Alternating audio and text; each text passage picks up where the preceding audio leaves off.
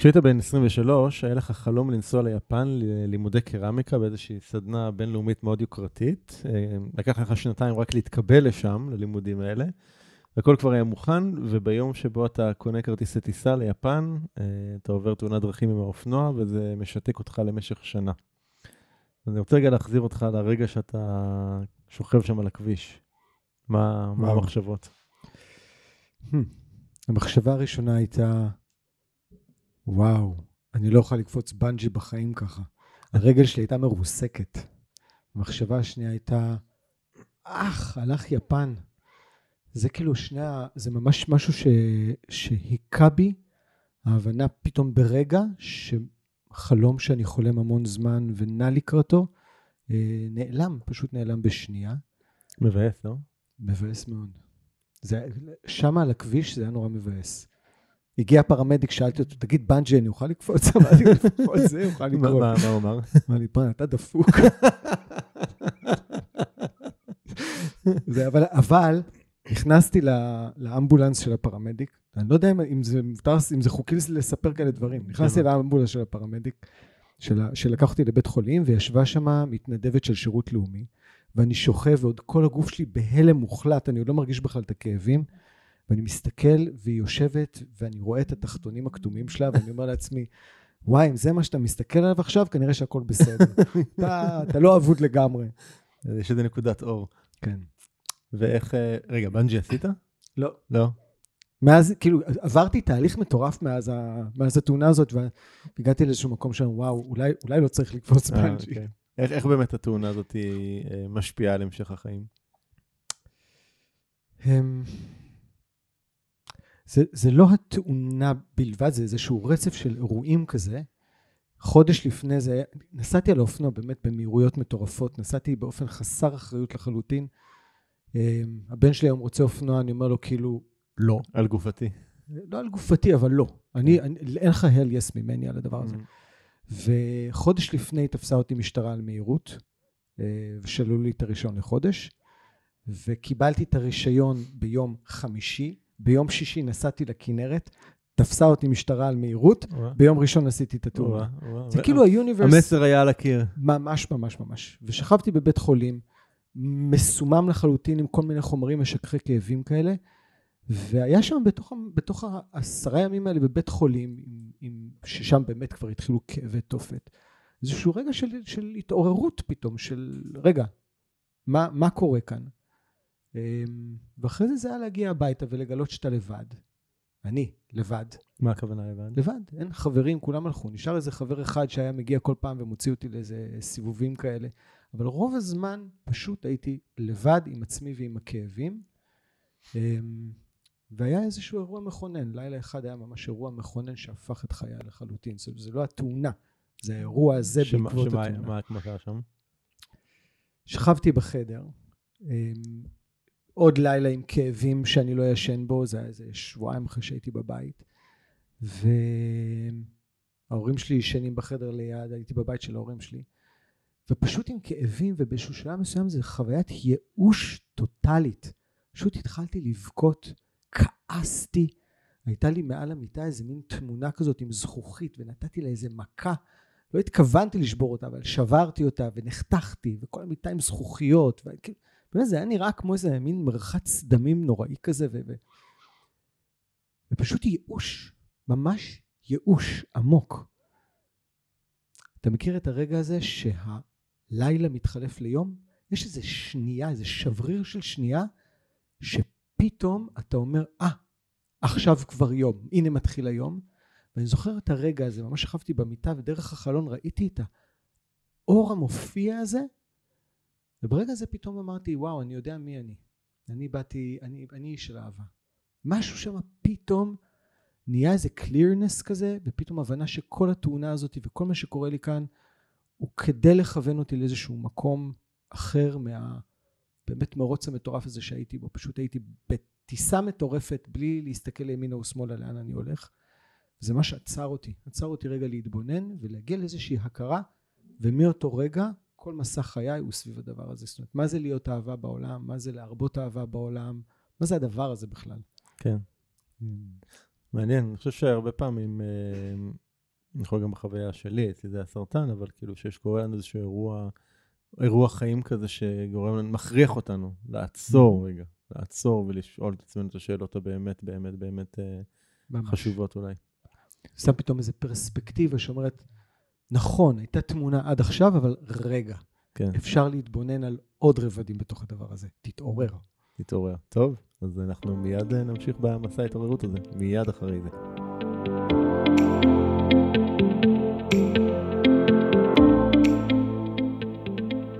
הדבר היחידי הקבוע הוא שינוי.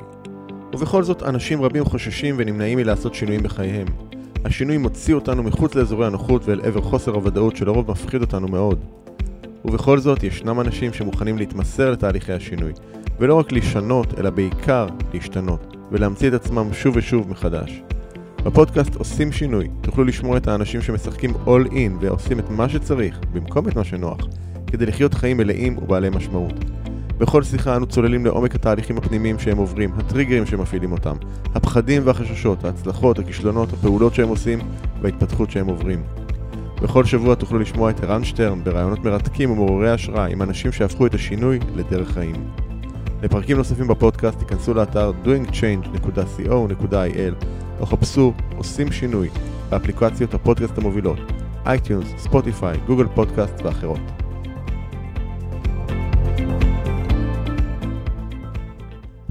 ברוך הבא גלעד זוהר. אהלן, בעניינים. איזה כיף להיות כאן. אז אה, גלעד הוא חולם, מורה וחונך לזוגיות בריאה, מיניות מודעת, התפתחות אישית ושמניזם, אז welcome. אה, ובדרך כלל אני נוהג לפתוח עם השאלה, uh, מי זה גלעד? או, זו שאלה טובה. אני, אני עדיין מחפש כנראה בחלק גדול מה, מהמקומות, אבל אני חושב שהכי הרבה זה, זה חולם. כאילו, אני מסכים לחלום, לחלום קודם כל לעצמי, וגם לחלום במובן של, וואו, לאן אני יכול להגיע ולפנטז את זה. אה, וגם אולי ללכת עם אנשים, עם החלומות שלהם. אה, אני איש של חלימה, אני איש של אהבה. אה, זה שני, זה שני עמודי תווך מאוד, מאוד איתנים בתוך המציאות שלי. אני חושב שאנחנו היום, פחות מדי אנשים מעיזים לחלום, לפחות בראייה שלי, לא? אני חושב שרוב האנשים לא חולמים, שכחו לחלום. כן. בכל המובנים, גם במובן של חלימת לילה, שאנשים פשוט לא זוכרים הרבה חלומות שלהם, הם כל כך מנותקים וכל כך עסוקים, ו... והם לא עוצרים בכלל על הדבר הזה, אז, וגם במובן של uh, חלימה בהקיץ, של להסכים רגע לפנטז את העולם שלנו uh, לאנשהו, וגם במובן של באמת להסכים לזוז מהמקום שאני רגיל להיות בו, ולהגיד, רגע, אפשר עוד משהו בעולם הזה. כן. זהו, אז uh, מה אמרת, הגדרת עצמך כבאמת כאיש של אהבה, של איש של חלומות, מה, בתפיסה שלך, מה, אתה מביא לעולם? וואי, איזה שאלות קשות. אה, לא, לא הבטחתי שזה יהיה קל, גלעד. כן. אמ, אני לא יודע אם אני, פה להביא לעולם משהו. אני אוקיי. פה כדי לבוא אל העולם. תסביר. אמ, אני מי שאני, אני מי שאני ואני מסכים לבוא כפי שאני במילואי. ואני חושב שזה חלק מהעניין. זאת אומרת, אנחנו כל אחד מאיתנו מגיע עם איזשהו center פנימי, נשמה, אה, כישרון רוחני מולד, לא יודע איך נקרא לזה, אבל איזשהו משהו מאוד מרכזי בתוכו. אה, והוא נקרא להביא את זה, להביא את עצמו במלואו בתוך העולם הזה. אה, וזה מה שאני מנסה לעשות לפחות עם עצמי, להביא את עצמי במלואי אל מול העולם, אולי לעזור לאנשים שבאים לעבור איתי דרך להביא את עצמם במלואם בתוך העולם. אמ, כן, זה עונה על השאלה? אני חושב שכן. אני חושב שכן, כן. אמ, ככה, בהכנה ששלחת לי, היה איזשהו משהו שמאוד אה, תפס את התשומת לב שלי, ותיארת שם סיטואציה שהיית בן 17, והיית בעצם אמ, מבחינה חברתית בשוליים, ככה הגדרת את זה. ואז קורה איזה משהו ואתה מקבל איזושהי החלטה בנסיעה באוטובוס, כן. החלטה של כן. לכאורה רגעית, ו, ובעצם כל המצב הזה מתהפך. כן. אז אני אשמח שככה תספר כן. רגע על הדבר הזה, כי, כי יש שם משהו מעניין בעיניי. אני ברשותך לוקח אותנו כמה צעדים אחורנית. אוקיי. אני חושב שלאורך כל היסודי שלי, הייתי ב, באמת באיזשהו מקום עם דיסלקציה שאף אחד לא ידע ולא זיהה, והיפראקטיביות, ואז אני, אני כאילו, אף אחד לא ידע מה זה בכלל. ו... וזה יצר איזשהו ילד מאוד מאוד outcast, מאוד בשוליים, מאוד עם ערך עצמי סופר נמוך. אמ, והילד הזה הלך וגדל, אבל, אבל, אבל הוא, הוא גדל רק בגיל, הוא לא גדל ב, בנפש. בנפש ובחוויה הדחויה הזאת ובחוויה שהיא באמת הייתה קשוחה בטירוף אה, של מה, מה בית הספר ומורים, איך הם היו מולי. אמ, וככה הייתי תמיד. אני זוכר בי"א, י"ב כזה, התחברתי לחבר'ה בכיתה, אבל זה לא משנה כמה התחברתי, תמיד הייתי ממש ממש בשוליים של הדבר הזה. ואז איזה יום אחד הזמינו אותי, דווקא מישהו שהם לא מהחברים המאוד קרובים שלי בבית הספר, הזמינו אותי להצטרף אליהם לגרעין נחל, ונסעתי באוטובוס, זה שני אוטובוסים, 25, ואז החלפתי ל-55, ונסענו, היה כן בנמל תל אביב. ואני זוכר, עליתי על 55, על, על הקו הזה, ונסעתי, ואמרתי לעצמי, תקשיב, אף אחד לא מכיר אותך שמה. Mm. מי אתה רוצה להיות? הנה הזדמנות. מי אתה רוצה להיות? מי אתה באמת? ואני זוכר, נסעתי, זו נסיעה של אולי איזה 20 דקות, אולי כן. קצת יותר, והרצתי בתוך התודעה את כל האנשים שאני מכיר, החברים שלי, ושהיו בהם דברים שאמרתי, ככה אני רוצה להיות, ככה אני רוצה להיות. אני רוצה להיות כזה פתוח. מה, כאילו פשוט לקחת מודלים, כאילו, כמו מודלים כן, של חברים מבית כן. הספר שאני מכיר, ואמרתי, כן. הנה, זה, הוא נורא פתוח, וזה רוקד ומרשה לעצמו, וזה ככה משוחרר וחופשי עם הבנות, ו... וממש אמרתי, אני, אני רוצה להיות הדבר הזה.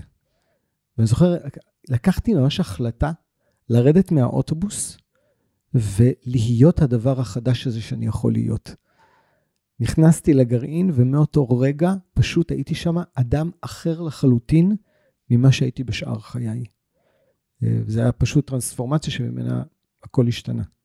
זה די מעניין, כי לי זה מעלה למשל אה, מחשבה שהרבה יותר קל לנו אולי לעשות שינוי בסביבה שלא מכירה אותנו. שאני מדבר על זה הרבה עם, עם, עם, אתה יודע, משתתפים בתוכניות שלי שמגיעים ממש במפגש הראשון, אני, אני מתאר להם את המצב שכאילו הם, הם עיגול, וכל הסביבה שלהם רגילה לראות אותם כעיגול, ועכשיו הם משתנים הופכים להיות משולש, אבל הסביבה עדיין זוכרת אותם כעיגולים, וה, והאינטראקציה פה היא נורא מפריעה, כי, כי אם אני עדיין ממשיכים להסתכל עליי כעל עיגול, אז, אז זה, זה יהדהד לי, זה כל הזמן יחזור אליי. ופה מה שאתה מתאר זה בעצם לעשות ממש איזשהו רגע, להניח בצד את כל מי שמכיר אותי, ואני הולך לסביבה חדשה, ושם אני באמת יכול להמציא את עצמי או ליצור את עצמי באופן חדש לחלוטין. נכון, ממש ככה. אני חושב שכשהסביבה תופסת אותנו בצורה מסוימת, אמ, מאוד קשה לנו לעשות את השינוי הזה מכמה סיבות. קודם כל, כי גם אנחנו נורא רגילים להיות משהו מסוים, ופתאום אנחנו צריכים לשנות את האינטראקציה, ובית הסביבה שלנו באמת לא רוצה שנשתנה. זה נורא נוח, הגענו לאיזשהו אה, מאזן אימה מסוים, ונורא נוח לכולם להישאר בתוך המאזן הזה, ואף אחד לא רוצה להשתנות. זה נכון בתוך כל מערכות היחסים שלנו, של הורים-ילדים, נכון. ואני חושב שהכי קשה לנו להשתנות מול ההורים שלנו. אה, זה לא משנה איזה טרנספורמציות עשיתי. עדיין אבא שלי יראה אותי כמו שהוא ראה אותי נכון. כשהייתי בן 16 או 15 או 13, ו- ו- ואני עדיין הדמות הזאת חסרת האחריות, פראית וחסרת גבולות. אצלי, אני, אני הילד הצעיר בין שלושת אחי, בין שני אחי, סליחה. אה, ואני חושב שאני לגמרי מתחבר לזה, אני חושב שתמיד, תמיד, תמיד עד היום אה, יראו אותי כ- כקטן. ואגב, אני יכול לראות את זה גם אני מול הבן הצעיר שלי, שאני תמיד מתייחס אליו כאל הקטן, עם כל מה ש... נכון, כל נכון, המשמעויות נכון. ש, שנלוות לזה. עוד דבר שככה, אבל אני מעניין אותי, אבל ציינת שבעצם, אה, שאתה דיסלקט, ובעצם הדבר הזה גרם לך אז, כאילו, לפער החברתי הזה, אבל כשהגעת לסביבה החדשה, זה לא, אתה, זה הרי נשאר, זה לא הלך. אז איך, איך פתאום התמודדת? אמ, קודם כל, למדתי באמת עם השנים לשים את הדיסלקציה הזאת בצד. כאילו עמעמתי אותה. לא, מה, לא להשתמש בה כתירוץ אולי? אה, לא, זה לא להשתמש בה בתירוץ, זה למצוא פשוט מעקפים, לא להיפגש איתה. אוקיי. אני לא כותב, גם אז לא היה אס.אם.אסים, לא היה, כל כן. המדיה הכתובה שהיום מאוד מאוד חיה, לא הייתה אז, היה טלפון. נכון. יכולתי ממש לשים את זה בצד. כאילו, אף אחד לא בחן אותי, או לא, או לא פגש אותי ברובד הזה. של אה, אני יודע לכתוב, אני לא יודע לכתוב. וואלקה, אני לא יכול לכתוב צ'ק, אני כותב שגיאות כתיב, אף אחד לא מבין מה כתוב על הצ'ק, כאילו. Mm. אז, אז אני לא כותב צ'קים, בסדר, אז אני עובד עם מזומן, הכל בסדר. כן. זאת אומרת, אין, זה לא, זה, זה לא מול החברה. זה המעקפים האלה. כן, אז יצרתי מלא מעקפים כאלה, שאז היה מאוד קל ליצור אותם. אני חושב שדווקא ברבות השנים, כשהמדיה התקשורתית השתנתה, ופתאום אני נקרא לעבוד איתה, ופתאום אני כותב אה, פוסטים בפייסבוק, ופתאום אני כותב הודעות וואטסאפ, ואני מתכתב עם אנשים, והמון תקשורת היא על הבסיס הזה, דווקא שמה פתאום נתקלתי בצורך להתמודד עם משהו, שגם שמה, כמו שאני תמיד עושה אולי, כנראה, זה היה ליצור איזושהי מהפכה לגמרי. איך אתה מתמודד עם זה היום? אני חושב שהרובד הראשון היה להבין, אפרופו עיגולים ומשולשים, להבין שדיסלקציה או היפראקטיביות זה לא בעיה. זה גיפט, זה כישרון. אה, אני רק צריך לדעת מה הכישרון שם. הייתי צריך לחפש ולגלות מה, מה זה הכישרון הזה שקיבלתי. גילית? וממש גיליתי. מה הוא? אמ, אני חושב שדיסלקציה היא, הדיסלקציה שלי, דיסלקציה זה כל מיני דברים, זה, זה מנעד מאוד רחב. דיסלקציה שלי זה שאני בעיקר כותב עם שגיאות כתיב, אה, באמת. אני מכניס אותיות שלא צריכות להיות שם. אני בעצם לוקח לעצמי איזשהו חופש מאוד גדול אה, בתוך מבנה תבניתי מאוד מאוד מאוד מוגדר. אה, ובתוך המבנה התבניתי הזה אני באמת יש לי חופש, חופש מוחלט לכתוב איך שבא לי. וזה אומר בעצם שכל ההתבוננות שלי על תבניות היא באותו אופן. יש תבניות שאנחנו חיים בתוכן והן מאוד מאוד מוגדרות, כמו התבנית של איך ההורים תופסים אותי, או תבנית שלי בתוך החברה. והדיסלקציה מאפשרת לי פשוט לקרוא את זה אחרת לגמרי. אמ, אני זוכר, לימדתי בתל חי באקדמיה, לימדתי בכלל קרמיקה, שזה חלק גם כן גדול מתוך חיי. רגע, אז רק נסגור, אז הגעת ליפן בסוף? קודם כל כן, הגעתי אה, ליפן. הגעתי ליפן, הגעתי. ליפן, רק שבקונטקסט אחר, זאת אומרת, הגעתי, עשיתי באמת את הסדנה, אז היה לי איזה חלום כזה להישאר ולהיות שם הרבה שנים ולעבוד שם וליצור שם וזה. רק הגעתי, עשיתי סדנה של איזה חודשיים וחזרתי לארץ ללמוד בבצלאל אה, קרמיקה. כאילו, הסכמתי להיכנס לתוך הממסד, שהדיסלקציה הייתה חלק מלא להגיע לשם. כן. אמ, אה, התנתק לי רגע, היינו בתוך הדיסלקציה באיזה... שאמרת שהתחלת ללמד בתל חי. אה, כן. הייתי, לימדתי בתל חי, ואז השיעור הראשון היה לעמוד מול הכיתה ולהגיד להם, תקשיבו, אני דיסלקט, לקחתי לעצמי את החופש לכתוב איך שאני רוצה, אני נותן לכם את החופש לקרוא את מה שאני כותב, איך שאתם רוצים. אמ, קחו חופש, חופש רגע מהתבניות שאני מניח לפניכם, ותצמחו לאן שאתם באמת רוצים לצמוח, ולא לאן שאני מתווה בהכרח. אמ, וזה משהו שמלווה אותי כל השנים האלה. ההבנה הזאת שאני באמת יכול לפרק את התבניות, אני יכול לקרוא משפטים, ואז אני אקרא אותם אחרת לגמרי ממה שכתוב, ואני אבין אותם אחרת לגמרי, ומתוך זה אני, אני אנוע אחרת לגמרי. אה, זה די מגניב. מעניין.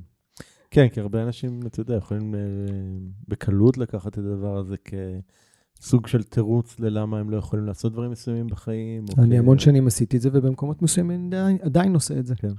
כן, יש לי מקומות שעדיין אני... כמו מה? איזה מקומות?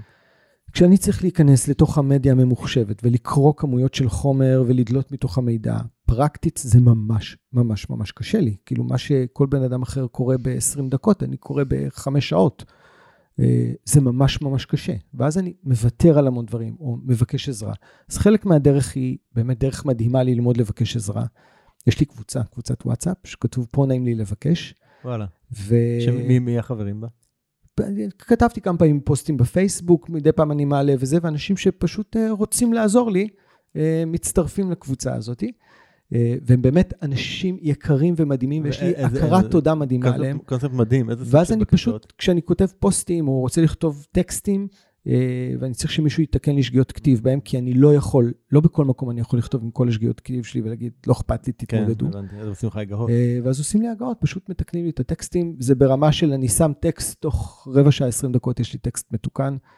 אה, משהו מאוד מיידי, מאוד, ובאמת יש לי, זו, זו אולי הזדמנות באמת להגיד לכל האנשים בקבוצה הזאת, תודה ממעמקי ליבי על התמיכה והעזרה שלכם. זה לא מובן מאליו בכלל. זה קונספט מדליק לאללה. כאילו, אני חושב שהוא צריך ממך להיות בהרבה מאוד פגיעות כדי לעשות אה, דבר כזה. כאילו, לבקר, כאילו, כן. להקים כן. קבוצה שבה אתה אומר, אני צריך עזרה בה. כן. חזק. כן, זה חלק מהעניין, אני חושב. חזק מאוד. אמ, אז אה, אנחנו פה עוסקים בשינויים. כן. ואני רוצה ככה לדבר על כמה... אה, כמה נקודות שציינת כשינויים שהיו משמעותיים אה, בחיים שלך. אה, ואני רוצה להתחיל באמת דווקא בפרידה מאשתך, שהייתה בת זוג שלך כ-20 שנה. וואו. התחלנו, התחלנו מהר ולאט לאט מגבירים. כן. התחלנו בכל הכוח ואנחנו מאיצים, מצוין. כן.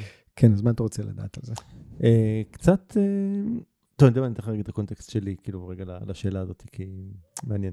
ממש לפני כמה ימים קיבלתי, העבירו לי אה, מייל מאיזושהי לקוחה, ששמעה אותי באיזה וובינר לפני כמה ימים, והיא כתבה לי שהיא עוקבת אחריי כבר תקופה, ומאוד אוהבת ומעריכה וכולי, אבל היא הקשיבה בוובינר האחרון, ושם היא גילתה עליי שהתגרשתי, אחרי 30 שנה.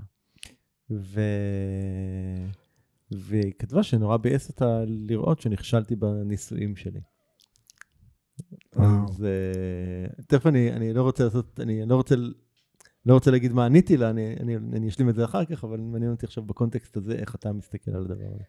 לא, לא, לא, ממש לא חושב שנכשלתי בנישואים שלי, אה, נהפוך הוא. אמ, אתה יודע, אני חושב שאנשים מתחברים בכל מיני רבדים. אה, זוגיות שלהם נפגשת בכל מיני מקומות. והיא מאוד נכונה לרגע מסוים, היא מאוד נכונה למקום מסוים ולתנועה מסוימת שנשמה באה לעשות בעולם. והיא מוצאת לעצמה פרטנר, פרטנר לעבוד, לעבור את הדרך הזאת איתו.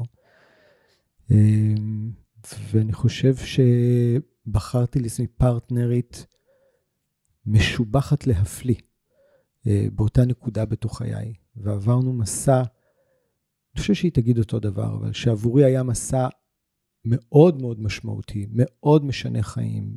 גדלתי בו, התבגרתי בו, העזתי בו, אה, נגעתי במקומות שלא העזתי לנגוע לפני כן, אה, כעסתי בו, נפגעתי בו, זאת אומרת, בו גם, זה, זה לא הכל רק דבש ושושנים. אה, ועברנו, אני חושב ששנינו עברנו תהליכי התפתחות מאוד מאוד עמוקים. אנחנו בכלל היינו אמורים להתחתן, ואז ביטלנו חתונה, ואז התחתנו בכל זאת. זה, זה סיפור כזה שקרה שם, ובאמת איזושהי בחירה לצאת לדרך משותפת, שבה כל אחד הוא המקסימום שהוא יכול בשביל שהשני יגדל. אה, עד שהגענו לאיזשהו מקום שאני חושב ששנינו הבנו ש, שהמסע הזה שלנו המשותף נגמר, ושאנחנו ממשיכים מסע משותף מסוג אחר, כהורים, כחברים, כ... עדיין יש את האתגרים, האתגרים, זה שהתגרשנו כן, לא אומר שהאתגרים נכון. שלנו נגמרו, הם, כן. הם נשארו אותם אתגרים בדיוק, רק לגמרי. על פלטפורמה אחרת, זה הכול. אוקיי. אנחנו לא ישנים עם זה בלילה. כן, יש בזה משהו. אני, אני מאוד יכול להתחבר, ואני קצת דומה למה שעניתי לאותה לקוחה, אמרתי לה שאני בכלל לא תופס את זה ככישלון, אני חושב שעשינו מלא דברים מדהימים ביחד, אם זה הילדים שלנו, ואם זה אה, באמת, אה, אתה יודע, 30 שנה זה חתיכת מסע, אתה עושה הרבה דברים, יש הרבה רגעי שיא, יש הרבה רגעי שפל, אתה גם שם אחד בשביל השני וכולי. ובעיניי, כמו ש... שאנחנו משתנים, אנחנו כבר לא אותם אנשים שהגרנו אי שם בגיל 18 ו-19, ורצונות משתנים, וקצב משתנה, ושאיפות, ואתה יודע, אנחנו כבני אדם משתנים, וכבר זה לא היה תואם אותנו. נכון. ולדעתי, להיכשל זה להישאר במקום שלא טוב לך. אני חושב שזה, שזה משהו שהוא הרבה יותר אה, גרוע. כן. עם כל המחירים ממש, ממש, של ממש, זה, ממש וכל הכאבים של זה וכולי. אבל, אבל אני אקשר רגע, עוד רגע בהקשר הזה. יאללה. אה, כי בעצם אחד העיסוקים המרכזיים שלך זה גם שאתה מטפל זוגי. נכון. וזה לא, לא עבר לך בראש, כאילו, איך אני, כאילו, אם אני התגרשתי, אז איך אני... איך אני אמשיך לטפל בזוגות, או כאילו מה זה לא עבר לי, ברור שזה עבר לי אוקיי, בראש, אני לא חושב שזה יכול לא לעבור בראש. בדיוק, שיערתי, אז איך... לא, לא, ברור שכן. גם העניין המדהים שאני ומי שהייתה בת הזוג שלי, אשתי, עבדנו המון שנים ביחד בטיפול זוגי. Mm. זאת אומרת, היינו ממש עובדים... אז זה עוד יותר מורכב. היינו עובדים ממש שנינו ביחד, היינו מחזיקים ביחד מול זוג, כאילו זוג מול זוג ועושים עבודה שהייתה עבודה באמת באמת מדהימה. זה, אני זוכר, כן, מין כזה של כאילו, לפני שאתם, אה, לפני שזוג הולך לרבנות, תעברו דרך אה, קוליה וגלעד, ויש מצב שאתם עושים יותר חזרה הביתה, אה, עם שלום בית כזה. וכן, ובתוך המקום הזה פתאום איזה מין עידוד כזה שאומר, רגע, מה, זה, איך, איך, אני, איך אני עומד מול העולם עם הדבר הזה? ואני חושב שזה חלק מהעניין, כאילו, אני לא יודע אם זוגיות זה משהו שמובטח לנו לנצח נצחים. זה אגדה יפה, זהו. אבל כאילו, היא אתה לא כזאתי. אנחנו מילדות מחנכים אותנו בכל ההוליווד של happily ever after, זאת לא, לא האמת. והסטטיסטיקה היא די נגדנו, כאילו. זאת פשוט לא האמת, זה לא האמת. אנחנו, אנחנו חיים בתוך עולם שהוא כל כך דינמי וחי, ואנחנו כבר לא ב-500 שנה או 200 שנה אחורה, אז- שבו אז- אז- אדם בא, נולד, חי את כל חייו באותו מקום ומסיים אותם עם אותה בת זוג, עם אותה עבודה. אנחנו חיים בתוך מציאות אחרת לגמרי. זה לא 500 שנה, זה גם לפני 40 כן, שנה, או 40 50 שנה, או- שההורים שלנו, אתה יודע, זה כבר נכון. לא אותה מציאות לגמרי. אנחנו לא שמה, אנחנו פשוט לא שמה, ואנשים עוברים גלגולי חיים בתוך החיים עצמם. רק במקום למות בגוף, אני רק מחליף רגע את המבניות שאני נמצא בה. כן. אז- אז מה אמרת לעצמך? כאילו, איך פתרת את זה עם עצמך, את הדילמה הזאת של איך אני ממשיך לטפל בזוגות אם אני התגרשתי? שאני חושב שלהיפרד, להתגרש, איזו מילה כאילו נורא. קשוחה. כן. אה, להיפרד, לבחור ללכת רגע בדרך חדשה, זה משהו שהוא לפעמים ממש מבורך. וזה ממש בסדר, אני עומד מול זוג, אני לא, זוג שמגיע אליי, אני לא אומר להם, תקשיבו, אני מבטיח לכם שאתם תחזרו הביתה מאושרים ותחיו לנצח נצחים ביחד. אני אומר להם, אתם תחזרו הביתה כשכל אחד ממש ממש הרבה יותר שלם עם עצמו, הרבה יותר מדויק עם עצמו. ויכול להיות שהמבנה החדש הזה, שבו כל אחד באמת יהיה נוכח במלואו, יאפשר לכם זוגיות הרבה יותר מדהימה ממה שהייתה לכם. ויכול להיות שיביא אתכם לנקודה שבה תבינו שבאמת את, זה, הדרך המשותפת, או הדרך היא כבר לא משותפת, בטח לא בהקשר הזוגי. אה, וזאת בחירה ממש בסדר. זה לא, אין כאן איזה... אני לא מטפל זוגי שאומר, אני אמון על זה שאתם תהיו זוג. כן, לא בכל מחיר. לא. מה, מה, אתה יודע, נגיד היום, יש לך איזשהו סימנים או אינדיקציות, נניח שזוג מגיע אליך, ואחרי, לא יודע, סשן, שניים, שלושה, כמה שזה לא לוקח, אתה יודע להגיד, כאילו, נגיד, פה יש איזשהו פער שלא ניתן לגישור, מה, אם יש סימנים שאתה רואה, או מה... אני אופטימי ללא תקנה. בגדול, אני לא חושב שיש דבר כזה פער, בהגדרה מראש שאי אפשר לגשר עליו. אה, ובטח לא בשניים, שלושה מפגשים. זה לא משהו שאני רואה בשניים. לפעמים אני כן יכול לראות במפגש ראשון פער מאוד מאוד מאוד גדול. ראשון, שני, שלישי. ואז אני אניח אותו ואני אגיד, ראו, זאת המציאות. מה אפשר לעשות איתה? אה, וזה בסדר שיש פערים. לפעמים הפערים האלה הם דבר מבורך, והם מאפשרים לזוגיות להיות מאוד, מאוד משמעותית, דווקא בגלל הפערים האלה. אה, והיכולת לחיות איתם. ותמיד יש לנו פערים, ובדרך כלל גם הפערים הם גדולים. תמיד במיניות יהיו לנו פערים, ובתפיסות עולם יהיו פערים. אני חושב שאולי מיניות זה השדה הכי, הכי כן, קונפליקטיבי. הכי נפיץ. הכי נפיץ שיש לזוגות, ותמיד יהיה אחד שנורא רוצה, ואחד שרוצה הרבה פחות, ויהיה תמיד פער בתוך הדבר הזה. זה לא עילה לגירושין, זה לא עילה לפרידה, זה הזדמנות אבל- אבל לעבור עם זה תהליך. אבל אם יש לך שני בני זוג שנניח, אה, אתה יודע, כאילו, אני חושב שאחד הדברים שבאמת קורים ויוצרים את הפערים האלה זה שתהליכי ההתפתחות הם שונים, או בקצב שונה, בסדר? ונניח שלצורך העניין יש מישהו שקצב ההתקדמות שלו, אני סתם עושה את זה רגע סכמטי, קצב ההתקדמות שלו הוא תשע, והשני קצב ההתקדמות שלו שלוש. הרי הפער הזה לעולם לא ייסגר בצורה הזאת. נכון. הוא צריך להיסגר? אני לא... אמ, במידה מסוימת, אחרת זה יוצר תסכול מאוד אני לא. בטוח. התסכול הוא, כי אני נורא רוצה שהפער ייסגר, ואני משוכנע שהוא צריך להיסגר, ואני בטוח שזה מה אבל, אבל שנכון. אם, אם ניקח רגע את הדוגמה שדיברת, שוב, בעניין של מיניות, שאחד רוצה יותר או שלא מספיק לו והשני רוצה פחות. בוא נראה איך חיים עם הדבר הזה. והפער הזה מתקיים. בוא מה- נראה איך חיים עם הדבר הזה, מה? המשמעות של זה. אני לא יודע, כל זוג זה דבר נורא אינדיבידואלי. אנשים מביאים לתוך המערכות שלהם פתאום אפשרות ליחסים פתוחים. אוקיי. שזה דבר שהוא גם יכול להיות נורא טוב וגם יכול להיות נורא. נפיץ ומורכב. אנשים uh, פתאום uh, מסתפקים או אומרים, אוקיי, אני, אני מבין שזה מה שיש לי ואני יכול לחיות עם זה בשלום. הרבה פעמים אני חושב שלמשל המורכבות שקיימת, ניקח רגע מיניות, בסדר? צד אחד רוצה יותר, הצד השני רוצה פחות. הצד שרוצה פחות מרגיש אשם, הצד שרוצה יותר מרגיש שלא אוהבים אותו. כן. יופי, עכשיו, ש, זה סתם, זו דוגמה אחת, יכולות להיות כמובן המון דוגמאות בהקשר הזה.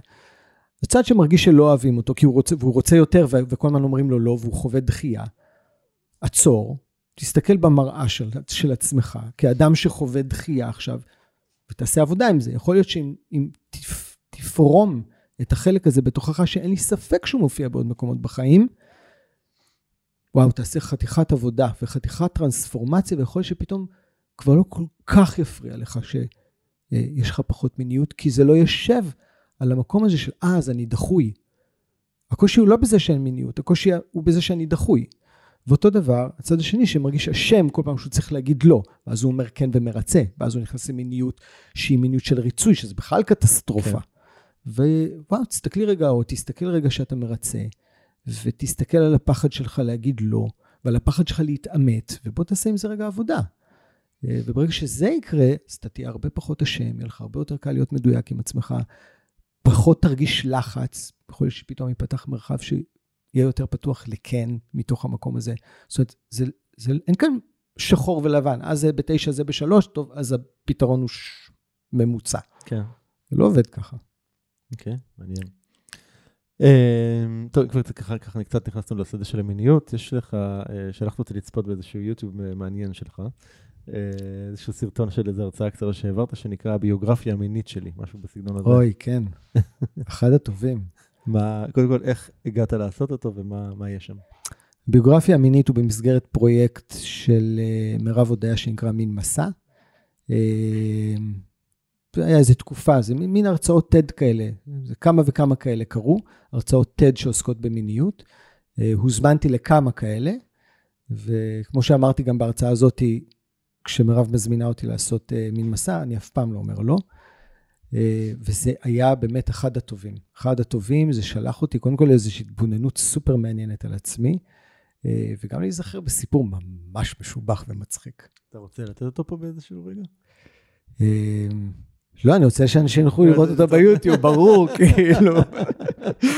אה, בגדול אבל זה, זה באמת איזשהו, אה, איזושהי התבוננות מאוד עמוקה על מה קורה בתוך יחסים של, של בני נוער, שלי ושל החברה שלי, ואיזה דרמה יכולה לקרות בתוך הדבר הזה, ואיך אה, פתאום דווקא המורים בבית הספר, או אנשים שכאילו הכי לא קשורים, הופכים להיות המתווכים, או הכי משמעותיים. בסוף המורה לתולדות האמנות עשתה את השינוי. באיזה מובן? מה היה במה ש... היא פתאום ראתה אותנו, היא ראתה אותי. נתנה נראות למורכבות שהיינו בה. היינו באיזושהי מורכבות. היא כאילו נרמלה את זה באיזושהי צורה? כאילו אמרה, זה בסדר, זה נורמלי? כן, היא אמרה, וואו, זה ממש, זה מדהים מה שאתם מספרים לי. כאילו, אנחנו באנו באיזה מקום מוכה שוק וטראומה, ואמרנו, וואו, זה ממש מדהים. כאילו, איזה יופי. אה, אני לא אעשה ספוילר. כאילו. אוקיי, טוב, תלכו לראות את זה, בקיצור. תחפשו ביוטיוב, זה שם. כן, גלעד זוהר, מין מסע, הביוגרפיה המינית שלי. כן. השדה הזה שאתה מטפל בו, אתה יודע, זוגיות, מיניות, אמ, זה שדה שהוא מאוד מאוד רגיש, אה, כן. מאוד נפיץ, כן. ובמיוחד ב... בתקופה האחרונה עולים הרבה מאוד קולות על כל מיני פגיעות שקורות במרחבים שונים, בשדות האלה של מיניות. ואני אשמח לך לראות, לשמוע את הפרספקטיבה שלך על איך אתה, איך אתה תופס את השדה הזה, איך אפשר להימנע מפגיעות כאלה, ו, ואיך כאילו לא, אתה יודע, לא לשפוך את התינוק עם המים, זאת אומרת, כאילו, יש חשיבות למרחבים האלה, אני חושב שעושים שם באמת הרבה מאוד עבודה של ריפוי, ו... אבל איך כאילו עדיין ממשיכים לאפשר את העבודה הזאת בלי, בלי לאפשר את הפגיעות האלה? זו שאלה ממש מורכבת, ממש מורכבת. אנחנו יכולים רק על השאלה הזאת לפתוח פה פודקאסט שלם okay. כן. אה, שיעסוק בדבר הזה. אה, פודקאסט, הכוונה מלא פרקים. כן, כן, הבנתי. אה, אני לא בטוח שאני יכול אפילו לתת תשובה ככה על רגל אחת, אבל אם אני אנסה לתמצת את המקסימום שאפשר ובכל זאת להוציא איזו תשובה קוהרנטית, השדה הזה הוא נפיץ בטירוף. הוא מצד אחד, הוא פתח מדהים לטרנספורמציה ולשינוי. אה, זה שדה שהוא רווי פגיעה, הוא רווי דעות קדומות, הוא רווי פחדים, הוא רווי טאבואים. אה, שאנחנו חיים אותם, אנחנו פשוט חיים את התבניות, אנחנו חוזרים אחורה. יש, יש בושה, הסתרה, בושה מטורפת, ואני חושב שגם מלא בורות. ב, ממש ככה, ממש ככה, ו, וזה מתובנת כבר. זה נורא קשה לפרוץ את זה. אני זוכר, הייתי פעם, ב, ב, גם בגיל 17, איזה, פגשנו איזה מישהי שבאה להיות איתנו בגרעין, ו... וכשדיברנו כזה על אמצעי מניעה וזה, היא בכלל לא הבינה על מה מדובר. כאילו, השיח הזה בכלל לא היה בבית שלנו. אז איך נמנעים מהיריון? היא אומרת, מה זאת אומרת? לא עושים אהבה. כאילו, לא שוכבים. הוא אומר, רגע, אז מתי שוכבים? רק כשרוצים ילדים. כאילו, זה ברור. וואו. עכשיו, מה? זאת אומרת, אנחנו כבר היינו בעולם שיודע מה זה אמצעי מניעה.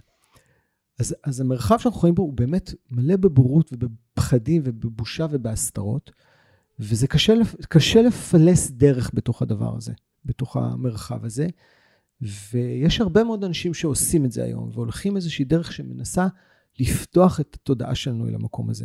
בגדול, השדה המיניות היא מרחב טרנספורמטיבי מטורף. זה מרחב טרנס עמוק, ממש בדומה לחומרים משני תודעה, או שהגוף שלנו עובר טרנספורמציה מטורפת בזמן אמת, שיכולה לשנות את כל תפיסת העולם והתודעה שלנו, אם אנחנו יכולים, יודעים להשתמש בשדה כן. הזה נכון. אה, ואם לא, אז הוא יכול להפוך לפגיעה מאוד גדולה. זה דורש המון אינטגריטי, המון אינטגריטי, המון יושרה, אוקיי? זה דורש שקיפות מאוד גדולה. זה דורש לדבר על דברים. כל עוד אנחנו מצ... מצניעים ולא מדברים ולא משתפים, אז, אז בוודאי ששום דבר לא יכול לקרות. כשאני עובד עם אנשים, אז זה כל הזמן להכניס לתוך השיחה המשותפת שלנו הכל.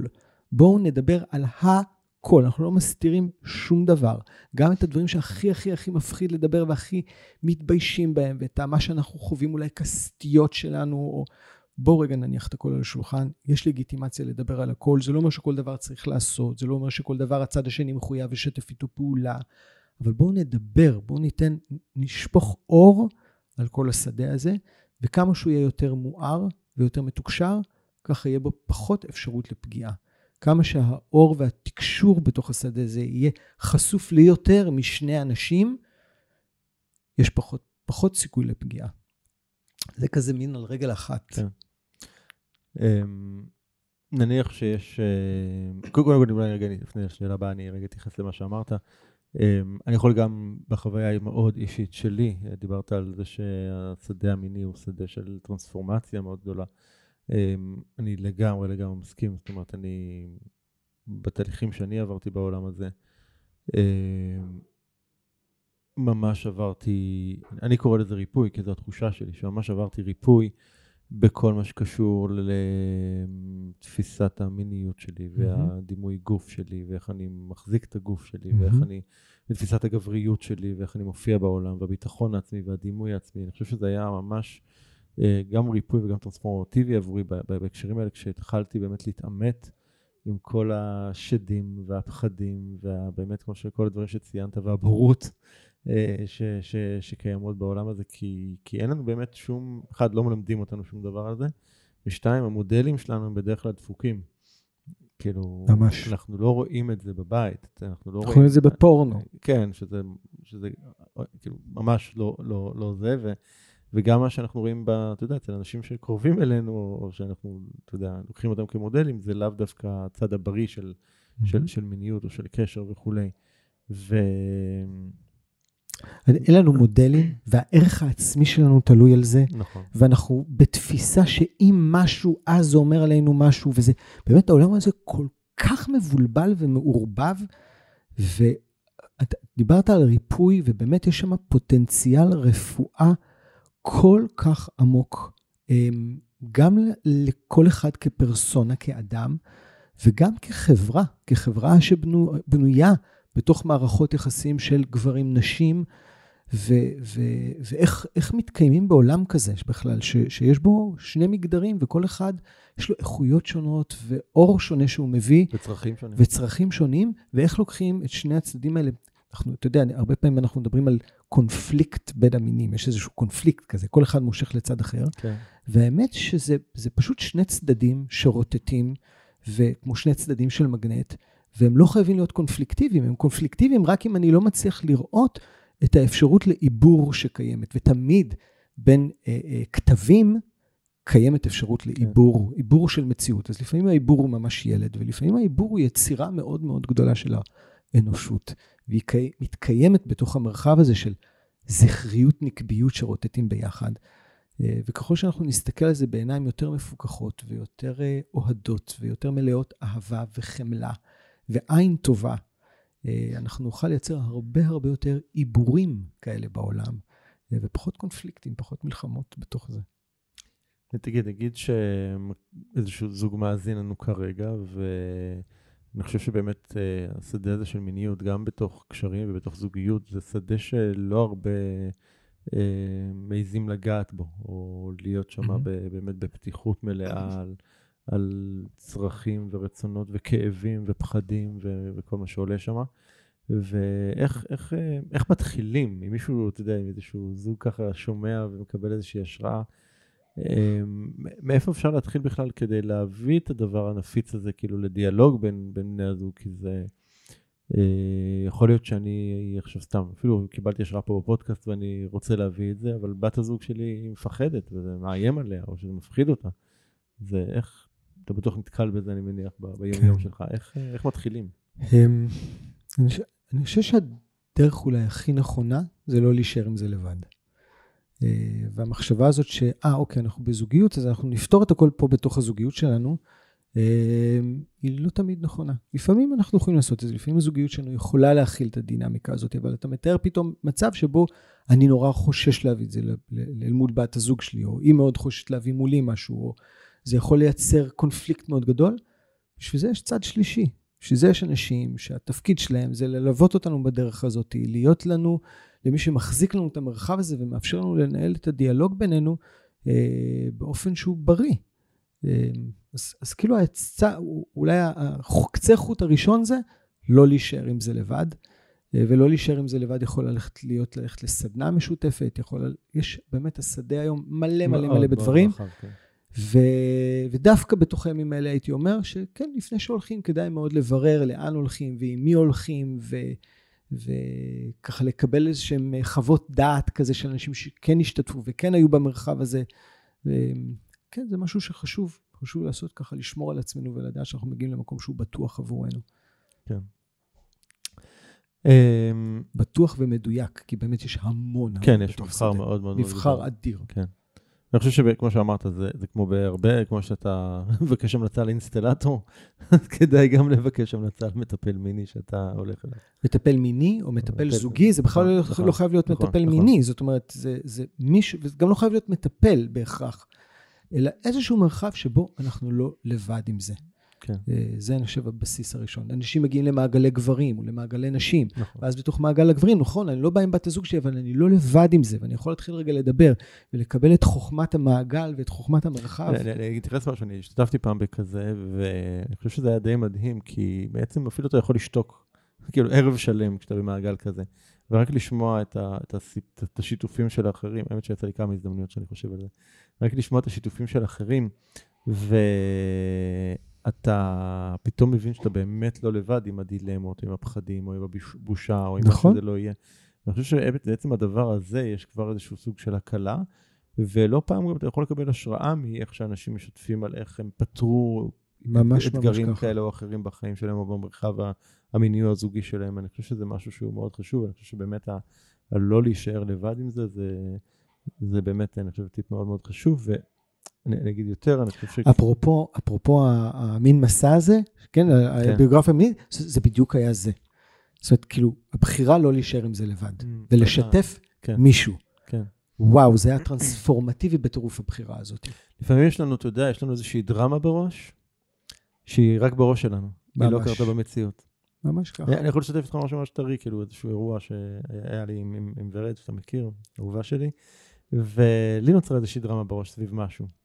ובאמת, אה, כאילו, היה לי איזשהו רגע של התלבטות, ואמרתי, אני לא משאיר את זה אצלי לבד, ושיתפתי אותה בדבר הזה.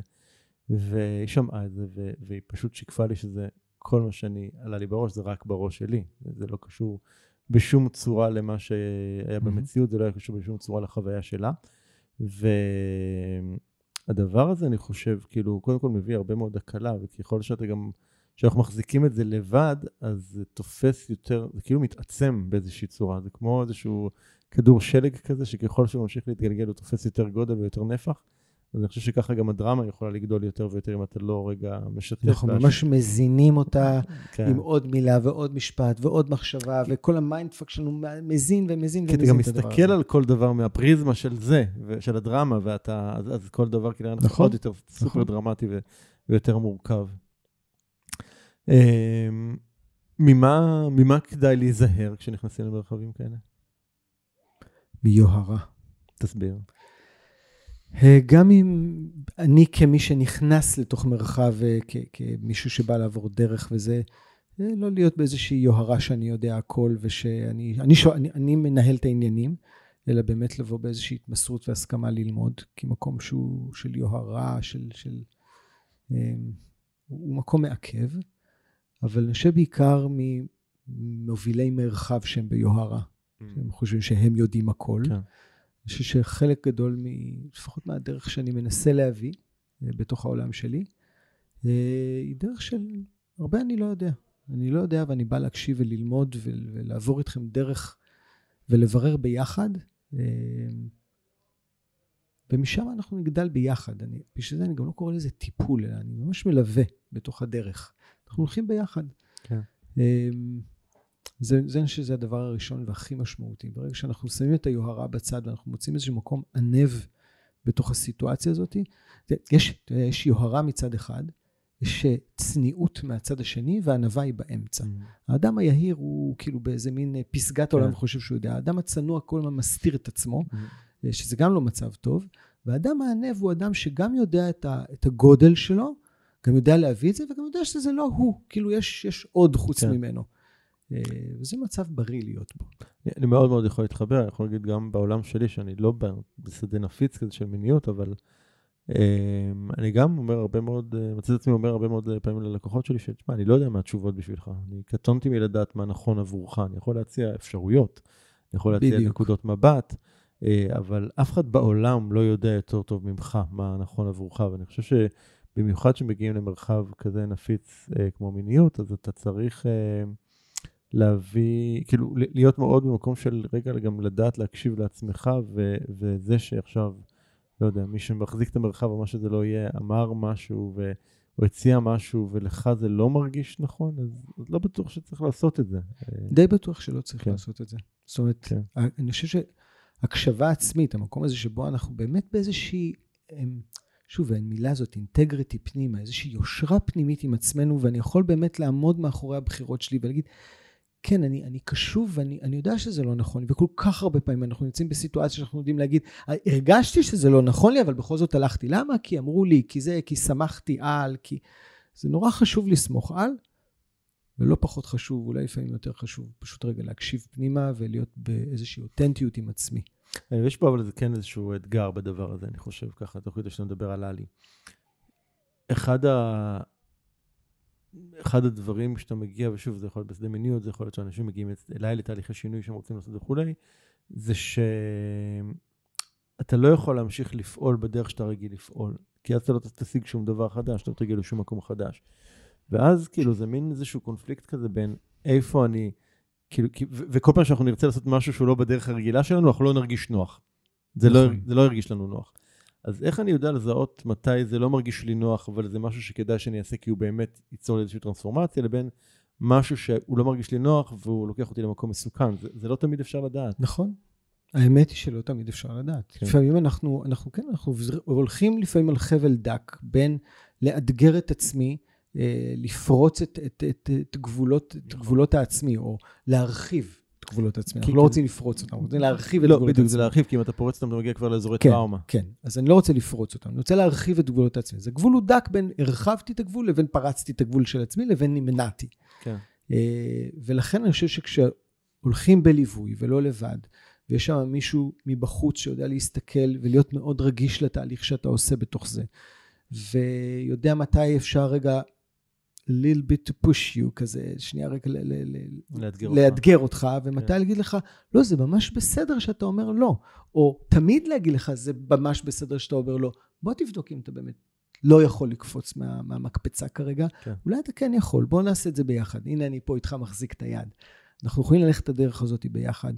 ואני חושב שכשיש חמלה בתוך השדה הזה, חמלה עצמית וחמלה שמגיעה מבחוץ, היא הופכת את כל האתגר הזה של הרחבת הגבולות למשהו הרבה יותר הם, הם, מוכל. מעניין הקשר בין חמלה למוכלות. נכון. אה, אמ, עוד איזשהו שינוי שככה קפץ לי מהדברים שכתבת לי, זה שכתבת שבעצם בגיל, אה, בגיל 40 אה, התמודדת עם פשיטת רגל. כן, וואו. קשוח. אה, כן, כן. זה, זה סיטואציה שנכנסת לתוך החיים. היא בלתי צפויה. ממש איזה משבר כזה שהיה משבר כלכלי בעולם, ואיזה סיטואציה מסוימת שאתה בתוך משהו ש, שככה עשינו, בתוך העשייה שלנו. הביאה לאיזה נקודה שאתה פתאום עומד ו, וכל הכלי שהיה לך נשבר לרסיסים. איך, איך, איך יוצאים מנקודה כזאת? כי זה לא, מעבר לצד ההיבט הכלכלי של זה, אני מדבר רגע על ההיבט הרגשי של זה. אני לא יודע להגיד האמת. אני רק יודע שבאותו רגע אמרתי לעצמי, זה כמו הרבה פעמים שאני עושה, זה כנראה הדבר הכי טוב שהיה יכול לקרות. מה טוב בזה? מה טוב בזה? לא יכול להיות שקיבלתי עונש. יש משפט של רבי נחמן, פעם לפני מלא שנים קיבלתי מדבקה כזאת, נדבקתי אותה על האוטו מבפנים כדי שאני אקרא את המשפט הזה כל אה, הזמן. אוקיי. כשאדם יודע שכל מאורעותיו הם לטובתו, זאת הבחינה היא מעין עולם הבא. תסביר. כשאדם יודע, יש לו ידיעה פנימית, זה לא יודע בשכל, זה כמו כן. לדעת אישה. כן. הוא יודע בכל הווייתו שכל מאורעותיו הם לטובתו. זאת אומרת, כל דבר שקורה לו הוא ממש לטובתו. זה לא רק הדברים האסתטיים והמגניבים. כל הדברים שקורים לי הם ממש לטובתו. זה, זה לא טובה כללית, זה לטובתי האישית. זה ממש, העולם מזמן לי כל הזמן אירועים שהם הם, הם ממש לטובתי. הם עבורי ועבור הצמיחה והגדילה וההשתנות וההתפתחות וההתעוררות שלי. אה, הידיעה הזאתי, בעצם ההחזקה של הידיעה השלמה הזאתי בתוכי, היא אבן הבוחן. זו הבחינה, היא אבן הבוחן. היא הדבר שמבחין בין אה, האם אני תקוע באיזושהי מציאות אה, בלתי מתפרקת ושחוזרת על עצמה, או שאני במעין עולם הבא, במעיין של עולם שבא אליי. עולם הבא זה זמן אה, הווה, הוא בא עכשיו, זה לא זמן עתיד, זה לא העולם שיבוא, זה העולם שבא עכשיו. האם אני בתוך מעיין של עולם שכל הזמן נובע חיים? אה, אז כן, אז אני ממש משתדל לראות את זה ככה, וגם פשיטת רגל ראיתי, או השתדלתי לראות ככה, כהזדמנות לעשות משהו אחר. אז מה ההזדמנות שלי פה? מה, מה באמת יכולתי לקבל כאן? או לא, לאן זה שולח אותי? וזה שלח אותי לאיזושהי צמיחה מאוד גדולה ולאיזושהי בחירה ב, אה, ב, ב, בלהעמיק את האמונה שלי בעצמי, בלדייק את מה שאני עושה בעולם. והאמת שזה אחד הדברים היותר טובים שקרו לי כלכלית. כאילו זה שינה את כל, את כל התפיסה שלי, את כל ההתבוננות שלי, את כל העשייה שלי, ושלח אותי למקום שהוא הרבה יותר, הוא, הוא, אני מבוסס היום הרבה יותר ממה שהייתי לפני. זאת אומרת, זה לא משך אותי למטה, אלא זה היה מין ירידה לצורך עלייה. לפעמים, כאילו, ש... אחרי שחליתי בסרטן והחלמתי, אז כאילו, המשפט שעלה לי בראש בהקשר הזה, שלפעמים מתנות גדולות מגיעות באריזה מחורבנת. ממש ככה. ממש, ממש, ממש ככה. אמ, תגיד, מה, מה לגבי ביקורת? יצא לך לקבל ביקורת על העשייה שלך? איך אתה פוגש את זה? איך אתה מתמודד עם זה? קודם כל, אני עשייה באיזה תחום? כאילו, בתחום המיני? אה, בכלל, כאילו... אמ, ביקורת על שינויים שעשית, ביקורת על העשייה שלך, כאילו... לא, כאילו, אני גם כל הזמן נמצא בעולם שהוא ביקורתי, אתה יודע, הורים וזה, כאילו, ביקורת יש כל הזמן. אני לא חושב שזה משהו שבאמת עצר אותי אי פעם, או בלבל אותי יותר מדי. ולרוב אני גם לא מקבל כזאת ביקורת. אני חייב להגיד שרוב ההדים שאני מקבל בדרך כלל, הם דווקא הדים חיוביים על, על, על העשייה, על התנועה שקורית בתוך המציאות שלי. אמ, כן, אני חושב שגם תמיד הייתי גם מול ביקורת, איזה מין, יש בי איזה צד מרדן כזה שאומר, אה, יופי, מצוין. אם יש פה ביקורת, סימן שאני הולך בכיוון הנכון. סימן שזה מה שאני צריך לעשות. אמ, תגיד, אם... אה, אם הייתי יכול לארגן לך אה, שלט חוצות ענק במרכז העולם כזה, שכל אחד בעולם יכול לראות מה כתוב עליו, מה היית רושם שם? Dare to dream. Dare to dream. כן, ממש ככה. חזרנו לחלום. כן, שזה, ש... אתה יודע, לא, אנחנו לא נגענו פה כמעט בכלל בעולם החלימה, אבל עולם החלימה זה עולם... אז בוא תגיד על זה. סופר רחב ומשמעותי שאני מתעסק בו. חלימת לילה וחלימת יום והקשר ביניהם וחלומות צלולים, שזה להיות ער ומודע בתוך החלום לזה שאני חולם, לעומת דרימינג שבו אני בעצם בתוך המקום שאני ער ומודע, אני מרשה לעצמי לחלום. ו... אז, אז בואו אולי תגיד רגע קצת מה, מה, מה המשמעות של באמת של חלומות בחיים שלנו. יוגת חלימה טיבטית מדברת על זה שבעצם אנחנו, אנחנו כל הזמן חולמים. אנחנו בעצם במצב חלימה, נשמה נרדמה לתוך החיים והיא חולמת כל הזמן, ואז יום אחד היא מתעוררת אל תוך האינסוף מחדש. ובתוך הזמן הזה יש לה מין רגעי קפיצה של חלומות לילה שהיא פוגשת פתאום את, את ההוויה שלה באופן שמנותק. זאת אומרת, זה הפוך ממה שאנחנו חושבים בכלל. ממש ככה. אה, היא פוגשת... החלום זה המציאות, והמציאות זו החלום בעצם. בדיוק. Okay. אוקיי. והיא פוגשת בעצם את ההוויה שלה נטולת המגבלות הגשמיות האלה. כי בתוך חלום הלילה אני יכול לעשות הכל. אני יכול לרצוח, אני יכול אה, לשכב עם אמא שלי, אני יכול את כל הטאבואים הכי no no שיש במציאות הזאת, אני יכול לעשות שם, אני יכול לעוף, אני יכול, אין פיזיקה, אין, אין נכון. שום מגבלה. אני יכול לא למות, כאילו. אני יכול לא למות, אני יכול לא למות שוב ושוב ושוב ושוב ושוב, וזה בעצם פותח איזושהי אפשרות לגעת ברבדים שהם מאוד מאוד עמוקים ברמת הנשמה שלנו. וכשאני מצליח לקחת את, האיכות, את ההתבוננות הזאתי על מציאות החיים הגשמית שלי, ולהגיד, רגע, גם פה היריעה היא הרבה הרבה הרבה יותר רחבה. וזה ממש מחזיר אותי לתחילת השיחה שלנו על הדיסלקציה ועל הגבולות בתוך הדבר הזה. האם אני עובד לפי המגבלות והתבניות שכבר מותנות לי ואני פשוט תקוע בתוכם, או אם אני יכול רגע להרחיב. בחלום הלילה זה אפשרות רגע להרחיב את הגבולות האלה ולהגיד, רגע, רגע, רגע, אין גבולות.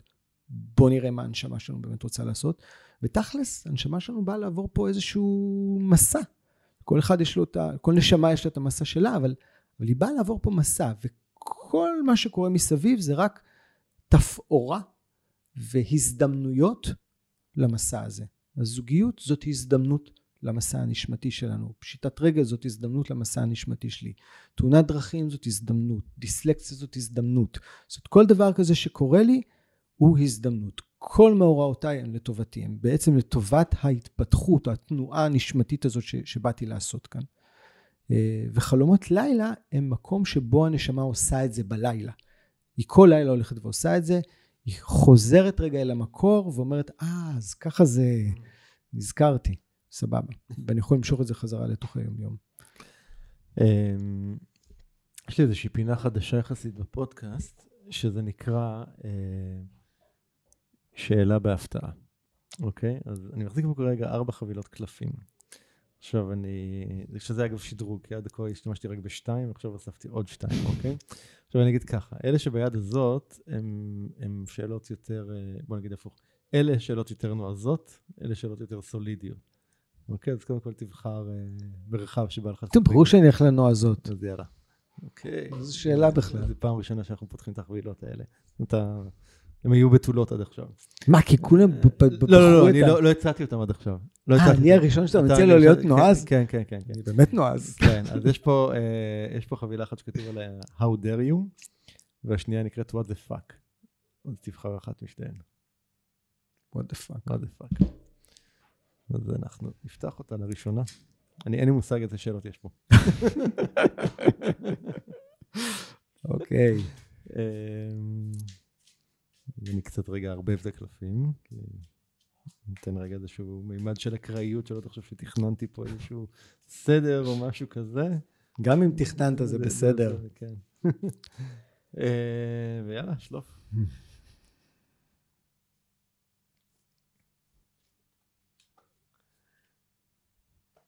אוקיי.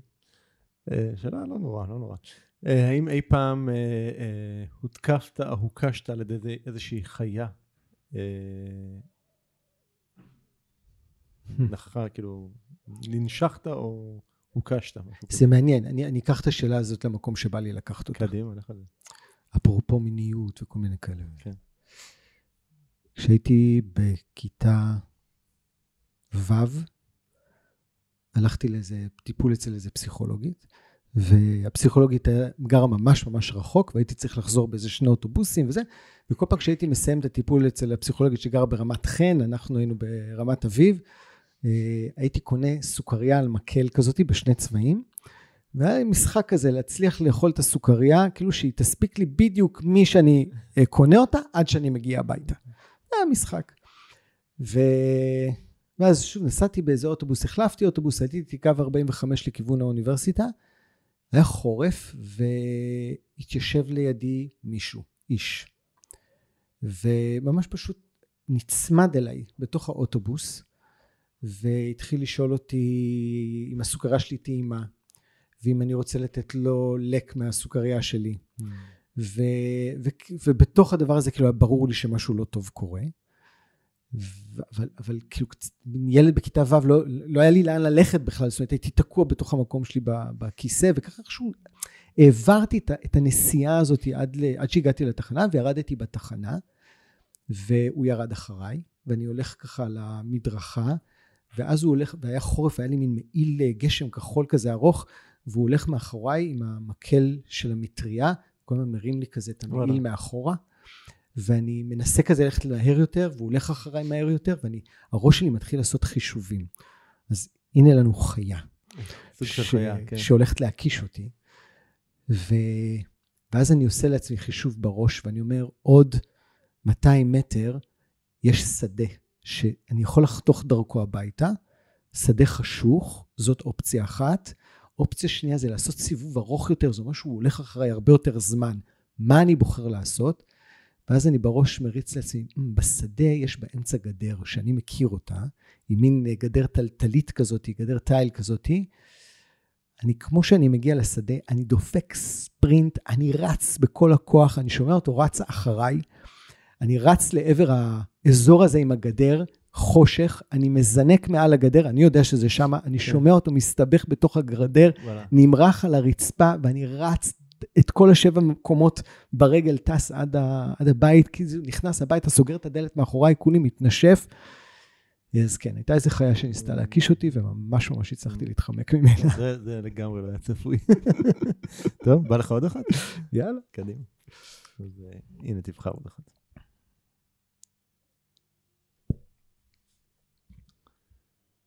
אה, שאלה מעניינת. כמה זמן אתה יכול להחזיק בלי לדבר?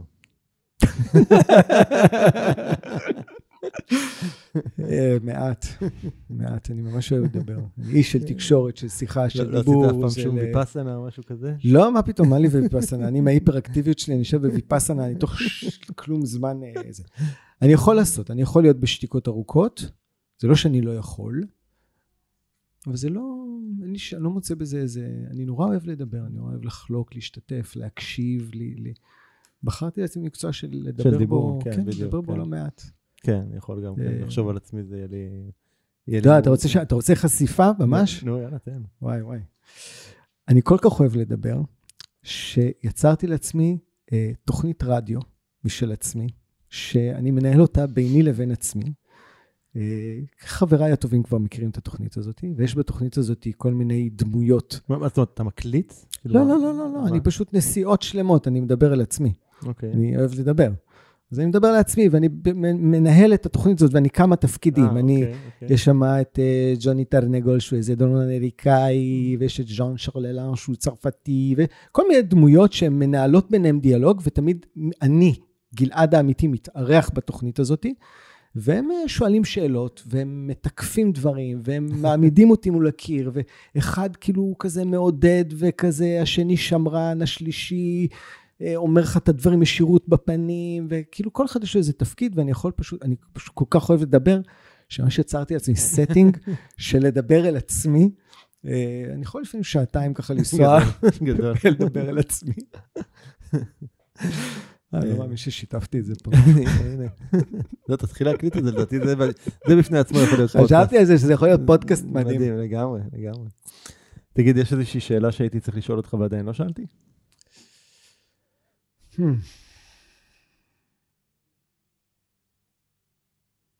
בתור חולה, מה החלומות, מה, מה החלום הבא שלי, ובכלל מה זה הדבר הזה, כאילו, של לחלום ולהגשים חלומות, וזה נכון. משהו שלא נגענו בו בעצם נכון, באסנס שלו. דיברנו טיפה בהתחלה, נכון. כן. אמ, אני כל הזמן חולם. כל הזמן אני חולם וממציא לעצמי דברים, ו... יש אנשים שהתנועה שלהם בעולם היא תנועה של drill down, של להעמיק. לוקחים נושא ומעמיקים ומעמיקים ומעמיקים, וגם יש איזו תפיסה כזאת שזה באמת הדבר הכי טוב לעשות. בוא קח משהו, תעמיק בו, תהיה רציני. אמ, ואני יותר sparkling כזה, אני מנצנץ לכל מיני מקומות. אני עושה משהו ממש מלהיב אותי, אני עף עליו בכל העוצמות, ואז אני עובר למשהו אחר, ואז אני עובר למשהו אחר, ובשנה האחרונה יש שני דברים ככה מאוד גדולים שקורים. אחד זה שפתאום התחלתי לנגן. תמיד חלמתי, חלמתי, חלמתי, חלמתי, פתאום... על מה אתה מנגן? פנטם. פנטם. כן, פשוט הלכתי, קניתי פנטם, איזה חברה, נכון? הגול הזה, כן. חברה פרסמה שהיא מוכרת, אמרתי, אני קונה, קניתי את הפנטם, זה היה בתחילת השנה, נכנסתי איתו לאיזה טקס חלימה שהחזקתי, והדבר הראשון שעשיתי זה התחלתי לנגן בו, בלי שאני יודע לנגן על הפנטם, ומשם ללכת וללמוד ולהסכים לעשות, וכאילו, ופתאום לממש איזה חלום כזה, שהפך להיות חלק מאוד אינטגרלי מהעשייה שלי. אני ממש מנגן בתוך טקסים שאני עושה, מנגן בתוך הטיפולים שאני עושה, אני ממש משתמש בכלי הזה ככלי תרפיה. אז כאלה יש כל הזמן, ובאותה הזדמנות גם הנחתי מול המציאות איזה חלום על נסיעה למצרים, ושממש קורם עור וגידים בימים האלה, ואני כל הזמן חולם, ו, ויש משהו נורא חזק בלהסכים להגיד, לדבר, לחלום בקול רם. זה ממש מושך את המציאות, זה מושך את האפשרות של דברים להתגשם ולהתגלם, ו... ובאמת החלומות שלי היום הם בעיקר סביב היכולת שלי לעשות עבודה עם אנשים בחוץ, בטבע, בתוך מסעות, בתוך תנועה, בתוך טרקים, בתוך, זאת אומרת, אני רגיל מאוד לעבוד, הרבה מאוד שנים עבדתי או בתוך הקליניקה, או בחצר, בגינה, סביב הדוני, סביב האש, או מתחת לעץ, או זה, ובאיזה מין אחד על אחד, ויושבים רגע במקום ועושים עבודה. יש לי איזה מקום שנורא רוצה לנוע את הדברים, ואני חושב ששם זה גם הולך, וזה הכיוון הכללי כרגע. מדהים. יש איזושהי שאלה שהיית רוצה לשאול אותי? די, אתה צריך להכין אותי לדבר כזה. לא, זה כל הקטע, אני לא מכין אף פעם, כאילו, אני אומר עוד פעם, אני לא מכין אף אחד מהאורחים לשאלות. מה החלום שלך? ידעתי שתשאל את זה. ידעתי שתשאל את זה. מה החלום שלי? שאלה מעניינת, גם מעסיקה אותי. אני פעם היית, פעם היית שואל אותי את השאלה הזאת, הייתי נותן לך רשימה מאוד, שהייתה אגב ברובה גשמית לדעתי, בעבר, כאילו לפני שנים. היום החלום, החלומות שלי הם פחות גשמיים במהותם, יותר הווייתיים או חווייתיים. אז יש לי חלום שדיברתי עליו פה לא פעם, של כאילו בא לי לחוות קצת אה, התנסות כסוג של נווד דיגיטלי שמסתובב בעולם ו... ופועל מכל מיני מקומות בעולם. זאת אומרת, אני מאוד רוצה עוד אה, לטייל ולחוות, לא, לא כטיול של, הנה כמו היינו לפני כמה שבועות בברלין, באנו, ראינו אתרים, חזרנו, לא כזה. Mm-hmm. אלא להגיע למקום ולשהות בו, אתה יודע, חודש, mm-hmm. חודשיים, שלושה, חמישה, לא יודע כמה שזה לא יהיה, לגור שם תקופה. ולהמשיך לנקודה הבאה ולגור שם כמה חודשים וכולי. אה, זה משהו שככה אני היום מסתכל עליו ואני שואל את עצמי, אוקיי, אז כדי להיות שם עוד, לא יודע, ארבע, חמש שנים נניח, מה היום אני צריך לשנות, כאילו, בעשייה שלי, מה אני היום צריך לעשות, ב, למשל בהתנהלות הכלכלית שלי, מה אני צריך לעשות היום במערכות היחסים שלי כדי לאפשר לעצמי תנועה כזאת בעתיד, אז זה משהו שככה מאוד uh, מעסיק אותי. אה, יש לי חלומות שקשורים ל... ליצירה שלי, זאת אומרת, אני מאוד, אה, אני אדם שהיצירתיות והיצירה והיצר הם מאוד חזקים אצלו, ואם אני לא עושה את זה אני קמל, אז אתה יודע, אצלי זה בא לידי ביטוי ב, ב, אם זה בספרים שאני כותב, או אפילו מה שאנחנו עושים עכשיו, או בתוכניות חדשות שאני יוצר, או מה שזה לא יהיה, אז אני, אז יש לי עוד שאיפות גם בתחומים האלה לעוד דברים שככה מעניינים אותי. ו- ואני חושב שאולי החלום העל של כל הדבר הזה זה באמת אה, ל- למקסם את חוויית החיים שלי במובן של חוויות והתנסויות. אני מאוד אה, מרשה, לה, מאפשר לעצמי היום אה, הרבה מאוד חוויות והתנסויות שפעם הייתי מאוד ככה נמנע או מפחד מהן. ו, אה, חושב שכל ההסתכלות שלי על עצמי, כ... אתה יודע, אנשים יקראו לזה אומץ, אה, אני... פחות רואה את זה מהזווית של אומץ, אלא יותר מזווית של כאילו, אם אני לא עושה את זה, אני בטוח אצטער על זה שלא עשיתי את זה מתישהו. ואז אני כאילו, אני, אני עושה את זה, וגם עוד דבר שאני חושב שמאוד עוזר לי פה זה שאני מנתק את עצמי מה, מה, מהתלות הזאת בתוצאה. זאת אומרת, אני כאילו, אני מעז נגיד לבקש בקשות מסוימות או להציע דברים מסוימים, ואני לא, אני לא, אין לי attachment ל... לאם זה יקרה או לא יקרה. אם תגיד, נגיד אני אבקש ממך משהו, אני אציע לך משהו, אז אין לי את ה-attachment הזה כל כך של אם זה יקרה או לא יקרה. עכשיו, יכול להיות שתגיד לי לא ואני, כן, יכול להיות שתהיה אכזבה שזה לא קרה, אבל זה לא, אין, לא, לא תהיה את הדרמה הגדולה סביב זה, אז, אז זה מאפשר לי יותר חופש ב, ב, בלהתנסות או ליצור חוויות כאלה. מעניין, כאילו, אני שומע אותך. ומה שהדהד לי למשל מאוד חזק מתוך זה, זה המילה חופש. וואו, מעניין שאמרת את זה. שבעצם כל הדברים האלה נוגעים חופש. בסוג של חופש תנועה בתוך העולם. לגמרי. ושאם אני, כאילו אם אני, אם אני למשל כמישהו ששומע אותך הייתי מזקק את זה לחלום נשמתי, אז החלום נשמתי הוא, הוא אל חופש. אני אומר שזה מדהים. אתמול, אה, שוב, הסדר של הפרקים, מתי הם יפורסמו, מתי הם יקלטו, הוא לאו דווקא אה, כרונולוגי. אתמול היה אירוע של הקלטת הפרק המאה אה, בפודקאסט. Mm. הפרק הזה ישודר לדעתי 101 או 102, לא סגור, פרק 101 או 102. ודיברתי שם, ודיברתי באמת הרבה דברים, ו... בסוף האירוע ניגשה אליי דבורה ש... שעובדת איתי, כי, כי, כי אני, אני רואיינתי שם, ואני לא זוכר בדיוק את השאלה המדויקת, אבל אמרתי, אה, אני חושב שמה ש... כן, כן, אני חושב להזכר.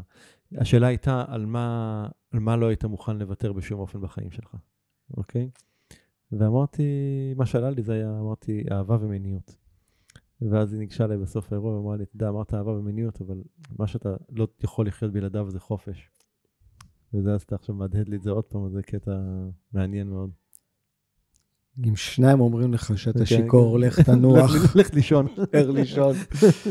אבל כן, זה משהו שהוא, אני, חושב שזה חלק מהעניין. זאת אומרת, לקחת, למשל, כשאנחנו מדברים על חלימה ועל, הסכמה שלנו להעמיק בתוך משהו, והסכמה שלנו באמת לפגוש את הרבדים הנשמתיים בסיפור הזה, ולא את הרבדים הנפשיים, אישיותיים, רגשיים, שהם חשובים מאוד, והמון מההתעסקות שלנו בעולם היא ברובד הזה.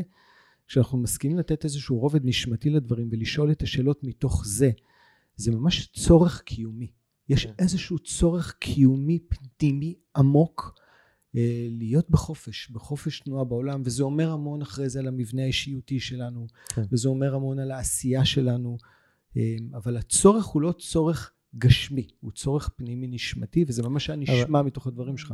א', נכון, אני יודע, חופש זה באמת אחד הדברים שמאוד מאוד אה, אה, חשובים לי ומפעילים אותי, ואני כאילו... הרבה מאוד מהבחירות בחיים שלי נבעו מתוך מקום של לאפשר לי לעצמי את החופש הזה. Uh, הרבה מאוד, אגב, מחירים שילמתי בחיים שלי כדי לאפשר לעצמי את החופש הזה. אבל אני רוצה רגע להקשות, כי, אתה יודע, ואני חוזר פה רגע לעניין של, ה, uh, של יחסים גבר-אישה, uh, כי באופן כללי גברים רוצים חופש, נשים רוצות ביטחון, לא? זאת אומרת, זה לא שונה, אני חושב. קצת סטריאוטיפי, אבל נניח, בוא, כן. בוא נזרום עם כן. זה רגע. אוקיי, אז כאילו, אז מה, לא כולנו כגברים רוצים חופש? לא. לא? אני חושב שרוב הגברים שפגשתי ממש צריכים ביטחון. באמת? כן. צריכים ביטחון בתוך היחסים, צריכים להיות נאהבים, צריכים ביטחון מול בת הזוג שלהם. Mm. מלא גברים שמדברים על יחסים פתוחים, אומרים, כן, כן, כן, אני בעד יחסים פתוחים, בטח, בטח, כל עוד אני ביחסים הפתוחים. מה הרגע כשאת פתאום מוצאת עכשיו איזה מישהו, אימא'לה, אני מת מפחד, כי בעצם כן. אני נורא נורא רוצה את הביטחון. Mm. אה, אנשים צריכים ביטחון, גברים צריכים ביטחון כלכלי, הם צריכים, הם ממש צריכים ביטחון. אה, טוב, זה כבני אדם ברור. בהרבה מאוד רבדים. אז אני לא בטוח, אני חושב שזה, וזה עדיין גם עניין מאוד גשמי. כשאנחנו mm. מדברים על משהו נשמתי, כן, זה משהו כן. אחר לגמרי. ההבחנה הזאת היא חשובה. יש מקומות שהנשמה בהם, שצריכה להיות ביצירה. יש מקומות שהנשמה מבקשת חופש. יש מקומות שהיא מבקשת להביא איזושהי איכות הווייתית לעולם. זה ממש חלק מה... הטיצ'ינג שלנו, ממה שאנחנו מהדהדים מתוכנו אחרי זה לתוך היוניברס הזה, וזאת הדרך שאנחנו מתווים ו- ו- וסוללים גם למי שמוכן ללכת בעקבותינו. ולכל אדם יש איזשהו שורש נשמתי, יסוד נשמתי עמוק, שרוצה להתקיים בתוך העולם הזה, ולכל אדם יש את הזכות לקיים את החופש הנשמתי הזה, להיות הדבר הזה שהוא. ו- ו- וצריך באמת להסכים להביט בזה, להביט בזה ולדעת להפריד בין העניינים הגשמיים שמניעים אותי, או הרגשיים שמניעים אותי, ואז הם קשורים בהיסטוריה שלי ובאיך גדלתי בתור ילד, ו, ובאירועים שקרו לי, ובפוסט טראומות, או ב... פעם הייתה לי שאלה, איך קוראים לדבר ההפוך מפוסט טראומה? No. כאילו, אני לא יודע, אין לי מילה, אין מילה... מה, ל... זה, מה זה הפוך בכלל מפוסט טראומה? דבר איזשהו ביג גלו כזה, הוא איזשהו הפינס מדהים, שזה לא חוויה שהיא... פוסט טראומה זה איזושהי חוויה טראומטית כזאת, כן, שאני סוחב אותה לתוך המציאות, שהודחקה ונשלפת לתוך המציאות. מה, אתה מדבר על איך בליס? אני כותב? בליס? על חוויית בליס שעברתי, ושהיא פתאום מופיעה לי בתוך המציאות, או אני יודע למשוך אותה לתוך המציאות, ולהיות באיזה פוסט בליס כזה. ולהגיד, וואו, בוא'נה, אני, אני חווה שוב את ה... את, ה, את האור המופלא שהיה שם, למרות שאני כבר לא שם. משהו בפוסט טראומה, אני חווה את הטראומה למרות שהיא כבר לא שם. כן, אמ, מעניין. אז, אז, אז זה, זה, זה מרחב להתבונן בו ולהיות בו ולהסכים רגע ללכת לאורו, ואני חושב שהנשמה בגדול היא לא, אנחנו לא, לא מתוכנתים לחוויה קטסטרופלית בחיים. אנחנו חייבים לטרנס, אנחנו מכוותים לאיזושהי צמיחה והתפתחות של הנשמה, והיא יכולה לבוא גם באופן הזה וגם באופן הזה. היא גם יכולה לבוא בתוך המיצרים שמבקשים מאיתנו ממש לעבור איזשהו שינוי עמוק ולפרוץ החוצה, וגם לבוא מתוך עונג. אני חושב שזה גם קשור הרבה מאוד למשל בעבודה עם מיניות או בכלל. המושגים האלה למשל של de-armoring, של עבודה שהיא הסרת שריון, שבו נעבוד רגע עם, עם כלים שהם עמוקים והם כואבים לפעמים, כן. בשביל לקלף איזשהו, איזושהי כן. מגננה שיש. מערכות הגנה ששמנו על עצמנו. לעומת אה, מה שאני קורא לו בתוך העבודה שלי, re-wooming, אה, אה, חידוש הרחם. Hmm. זאת אומרת, בוא נעבוד אחרת, בוא נעבוד רגע איזושהי עבודה נקבית, שהיא מאוד מאוד חומלת, שהיא מאוד עוטפת, שהיא מלאה באהבה בתוך זה, שהיא יוצרת איזושהי אינקובציה לחיים לגדול. במקום לנסות לקלף את מה שמונע את החיים, בואו נזין את החיים עצמם וניתן להם לשגשג. וכשהם ישגשגו ויגדלו, הם יהיו מספיק חזקים כדי לדחוק את השריון הזה, לא, לא נזדקק לו יותר, כי יהיה לנו מאוד trust כן. במה שגדל שם בפנים. אז מדהים. ה-re-wooming הזה. מדהים. תגיד, מי שרוצה ליצור איתך קשר, מה, איך אה, הדרך הכי נוחה לעשות את זה? להרים טלפון, דבר איתי. אה, פייסבוק זה כן. המקום למצוא אותי, אה, או בדף של, בדף האישי שלי גלעד זוהר, או בדף העסקי, שזה רפואת הלב נקרא. זה המקומות. כן, אני מין איש, אני ממש לא איש של מדיה יותר מדי, אין לי כן. אתר אינטרנט, אני לא... אז אנחנו נשים אה, כישורים אה, בדף של הפודקאסט, אה, גם לכישורים שציינת, אז יוכלו למצוא אותך בקלות, פשוט תיכנסו לאתר הפודקאסט, doingchange.co.il, תגללו לפרק עם גלעד, ויהיה לכם שם את כל הכישורים שיחכו לכם. אז גלעד, המון תודה שהגעת לכאן. וואו, תודה לך, היה מה זה כיף. היה ממש כיף, ממש ממש נהניתי. גם כיף לפגוש אותך רגע פתאום באיזשהו פורמט אחר כזה. נכון, כן. כן, נכון. אה, וזהו, ואני אגיד אה, לכם שמאזינים תודה, ואם אהבתם ונהנתם מהפרק הזה, אל תהיו קמצנים, שתפו אותו עם החברים, עם אנשים שאתם חושבים, חושבים שיוכלו להפיק ערך מהפרק, וגם בואו רגע תפרגנו לנו, בסדר? אם קיבלתם ערך, כנסו רגע לאפליקציה שאתם מאזינים, בין אם זה ב-i, באפל או בספוטיפיי או גוגל פודקאסט או whatever, ואני מאוד מקווה שהרווחנו מכם חמישה כוכבים. אז תודה רבה, ונתראה בפרקים הבאים. להתראות. זהו, עד כאן לפרק של היום. אם אהבתם את הפרק, אל תשכחו לדרג את הפודקאסט באייטיונס, ספוטיפיי, גוגל פודקאסט, סאונד קלאוד, יוטיוב או בכל פלטפורמה אחרת שדרכה אתם מאזינים לנו כרגע.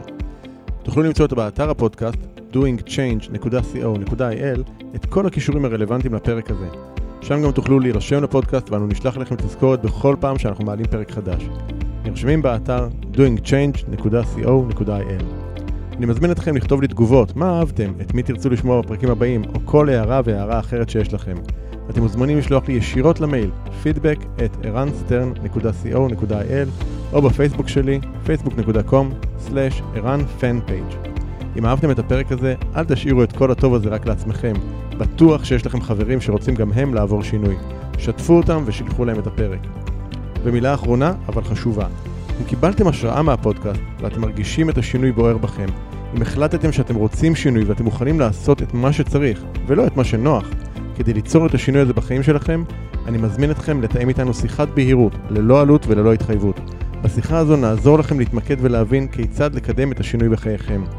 לתיאום השיחה ייכנסו לאתר ערנסטרן.co.il/doingchange ושוב, ערנסטרן.co.il/doingchange.